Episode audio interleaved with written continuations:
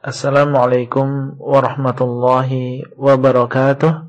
Alhamdulillah wassalatu wassalamu ala Rasulillah wa ala alihi wa sahbihi ajma'in.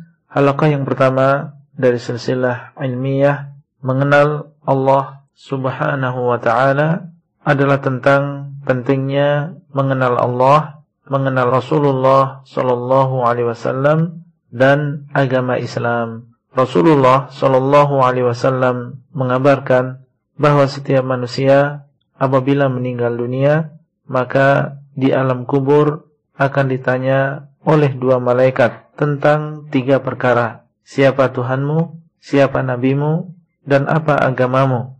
Oleh karena itu wajib seorang muslim dan muslimah untuk mempersiapkan diri terkait tiga perkara tersebut. Perlu diketahui bahwasanya untuk menjawab pertanyaan tersebut tidak cukup dengan menghafal sebab seandainya menghafal itu cukup niscaya orang munafik pun bisa menjawab pertanyaan.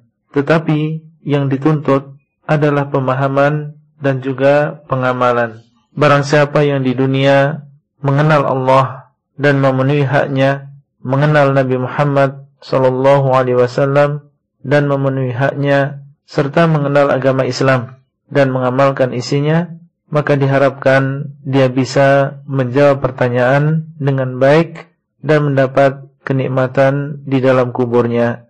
Namun, apabila dia tidak mengenal siapa Allah dan tidak memenuhi haknya, tidak mengenal Nabi Muhammad wasallam dan tidak memenuhi haknya serta tidak atau kurang mengenal ajaran Islam dan tidak mengamalkannya, maka ditakutkan dia tidak bisa menjawab pertanyaan sehingga akibatnya siksa kubur yang akan dia dapatkan. Semoga Allah Subhanahu wa taala memudahkan kita, keluarga kita dan orang-orang yang kita cintai untuk bisa mengenal Allah, mengenal Nabi Muhammad sallallahu alaihi wasallam dan juga mengenal agama Islam.